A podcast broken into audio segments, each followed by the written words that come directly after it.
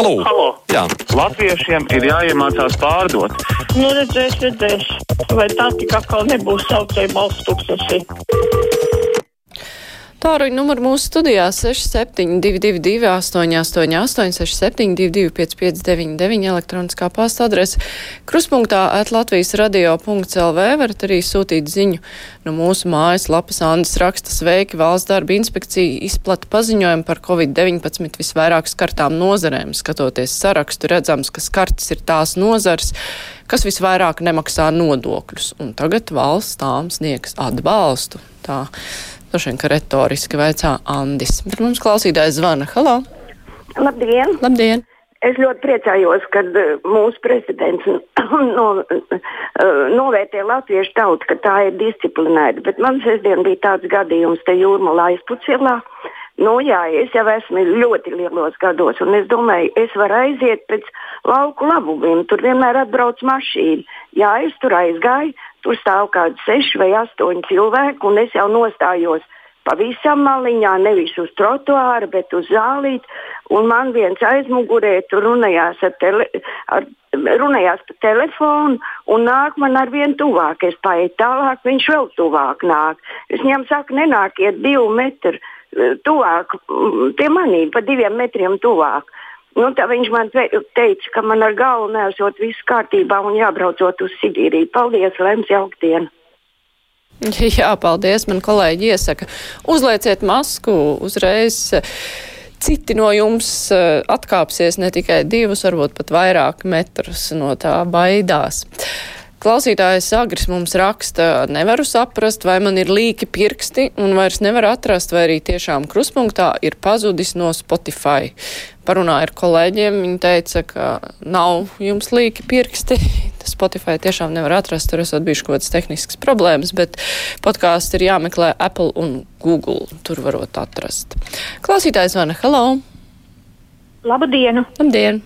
Te jūs no Liepājas traucē, no Matroža ielas divi. Mums pirms brīdiņa atbrauca draudzīga celtnieku komanda, atveda vagoniņu, atveda stalažas, visi pēc tam draudzīgi padzērās, bariņā stāvot. Kurš nu ir špļāvējis, tas nošpļāvās. Un tagad viss sāk atrakt pamats. Vai nav drusku par ātru tādiem celtniecības darbiem? Mm -hmm, jā, nu, varbūt tie cilvēki neko nav dzirdējuši par ārkārtējo situāciju valstī.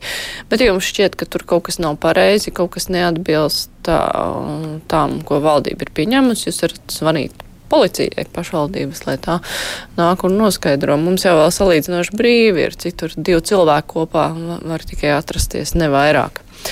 Klausītājs Vana, halo! Labdien! Labdien! Sakiet, lūdzu, kā, var, kā varēs nomaksāt uh, rēķinus, ja, ja mājās nav interneta, bet uh, bibliotekas ir cieta? Tas ir vienīgais, vienīgā iespēja, kad es, var, kad var nomaks, kad es varu nomaksāt uh, rēķinu, jo es esmu pensionāra.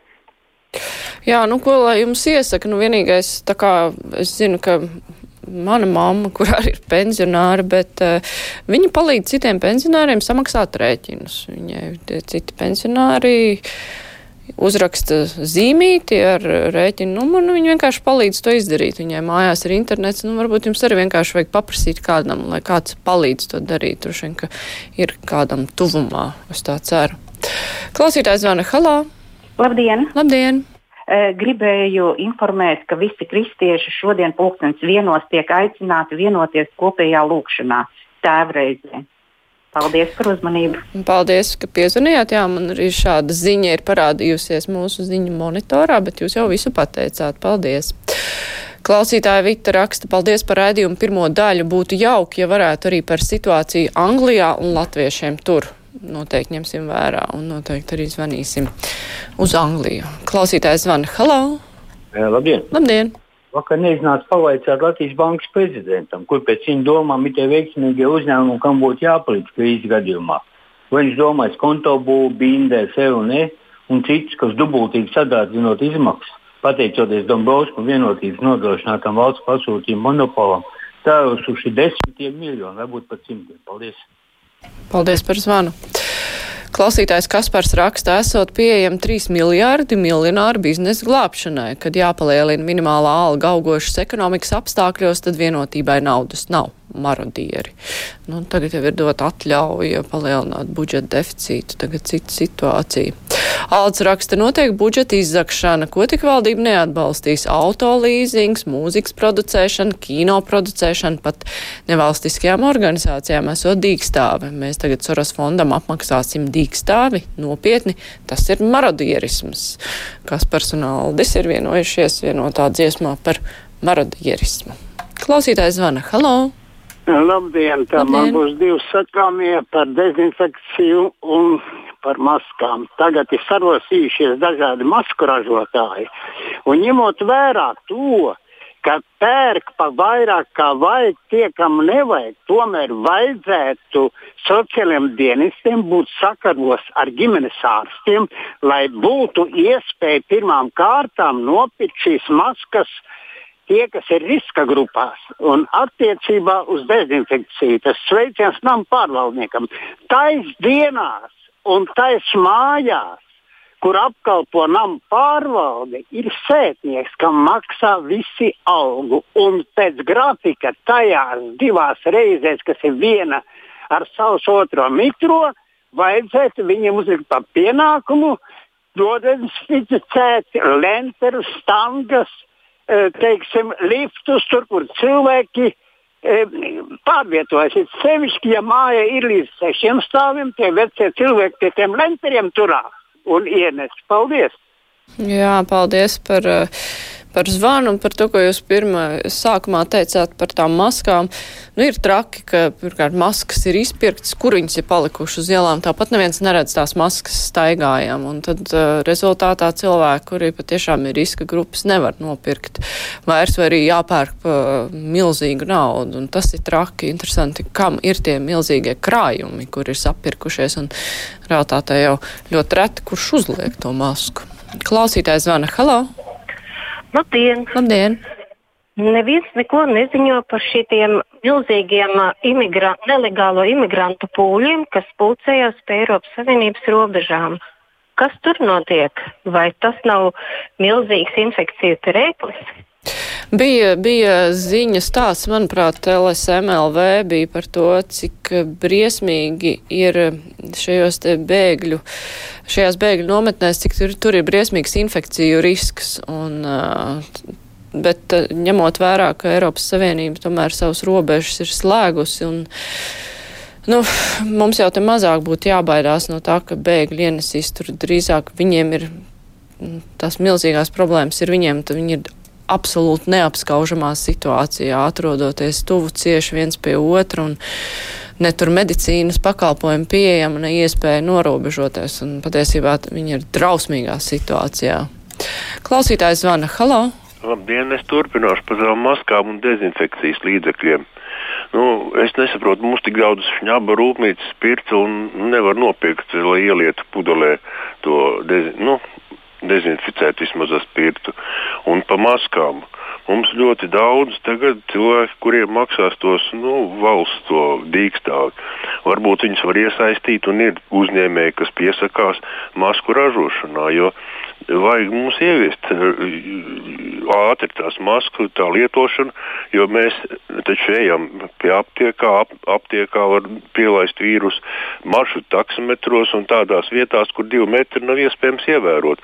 Tur visur ir pieredze jau liecina, un eksperti no Ķīnas un viss saka, ka tas ir obligāti un tas pasargā.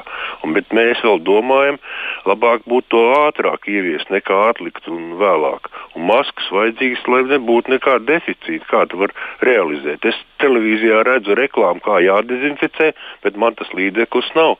Man jādraudz ģimenes ārstam gandrīz, lai izrakstu to 150 ml spietu.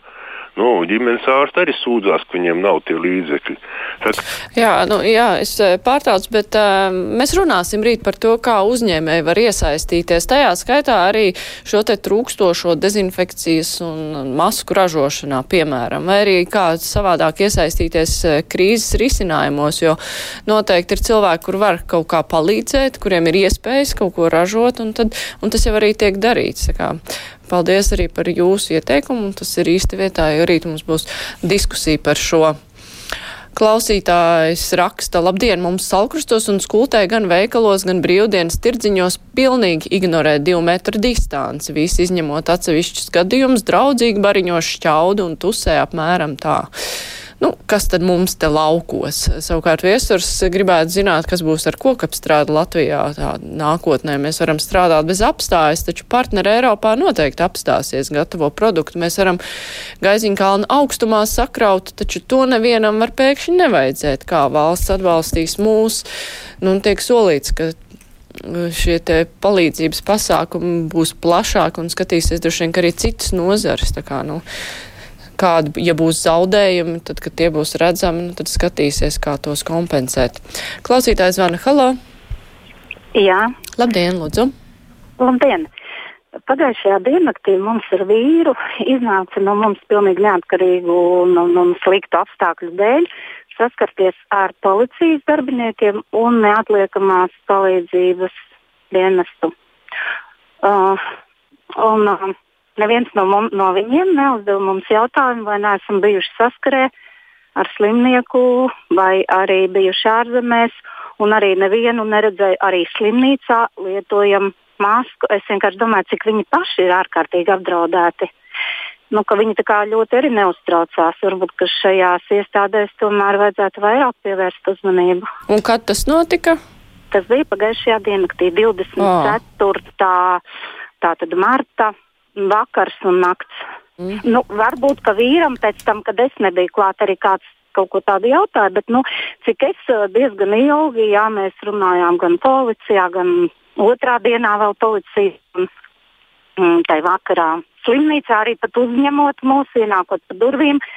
Darbiniecēm nebija ne maskas, ne arī šādi jautājumi tika uzdoti. Jā, tas ir interesanti, jo no vienas puses Tagad ir ļoti liela ierobežojuma visur. Nepieņem. Mēs nu nākamajā stundā runāsim par to, ka daudz ārsniecības iestādes nepieņem cilvēkus uz plānveidu pakalpojumiem, tajā pašā laikā netiek ievērot citur drošības. Varbūt tad jau tajās citās arī var ievērot lielāku drošību un tomēr pieņemt tos pacientus. Nu, jā, par to mēs runāsim nākamajā stundā. Vēl klausītājs Vans. Halo! Labdien! Labdien kur mums tie uzņēmēji tik švaki ir, ka pat mēnesi nevar izdzīvot bez valsts palīdzības. Varbūt nevajadzēja pirkt tos dārgos džipus un tik daudz braukāt pārzemēm, bet veidot kaut kādus uzkrājumus, jo dzīvojam jau gadījumā, nu, it kā kapitālismā, nevis kaut kādā padomju savienībā, kur valstī jāpalīdz. Paldies! Paldies! Nu, droši vien, ka nav runa par mēnesi. Tomēr tagad ir ārkārtējā situācija uz mēnesi, bet sekas jau būs jūtamas arī pēc tam. Klausītājs Aigars raksta, globālās pandēmijas laikā vajadzētu pieņemt tikai e-komentārus, jo nav patīkami klausīties destruktīvus, laiku šķērdējošus un paniku sējošus telefoniskos komentārus. Lūk, tā Aigars domā. Bet mums klausītājs tomēr zvana. Halo! Uh, labdien! Šeit no Kolīgas novaļos traucē. Uh, 18. martā uh, Labklājības ministra televīzijas rādījumā teica, ka sociālais nodrošinājuma pabalsts ir 80 eiro. Bet es joprojām saņemu tikai 64 eiro. Vakar zvanīju uz labklājības ministriju, kas paliek. Viņi teica, nu tur ir tā, invalīdiem un kaut kam tur ir 80, pāriem ir tikai 64, jo valdībai nav naudas, par ko um, piešķirt 80 eiro. Tātad, vai labklājības ministra ir savā vietā, ja viņa televīzijas rādījumā saka vienus datus, kur neatbilst īstenībai? Mm -hmm. nu jā, nu es nedzirdēju, ko viņi tieši teica. Varbūt tur ir kaut kā mm, konteksts jāskatās, bet nu, grūti pateikt.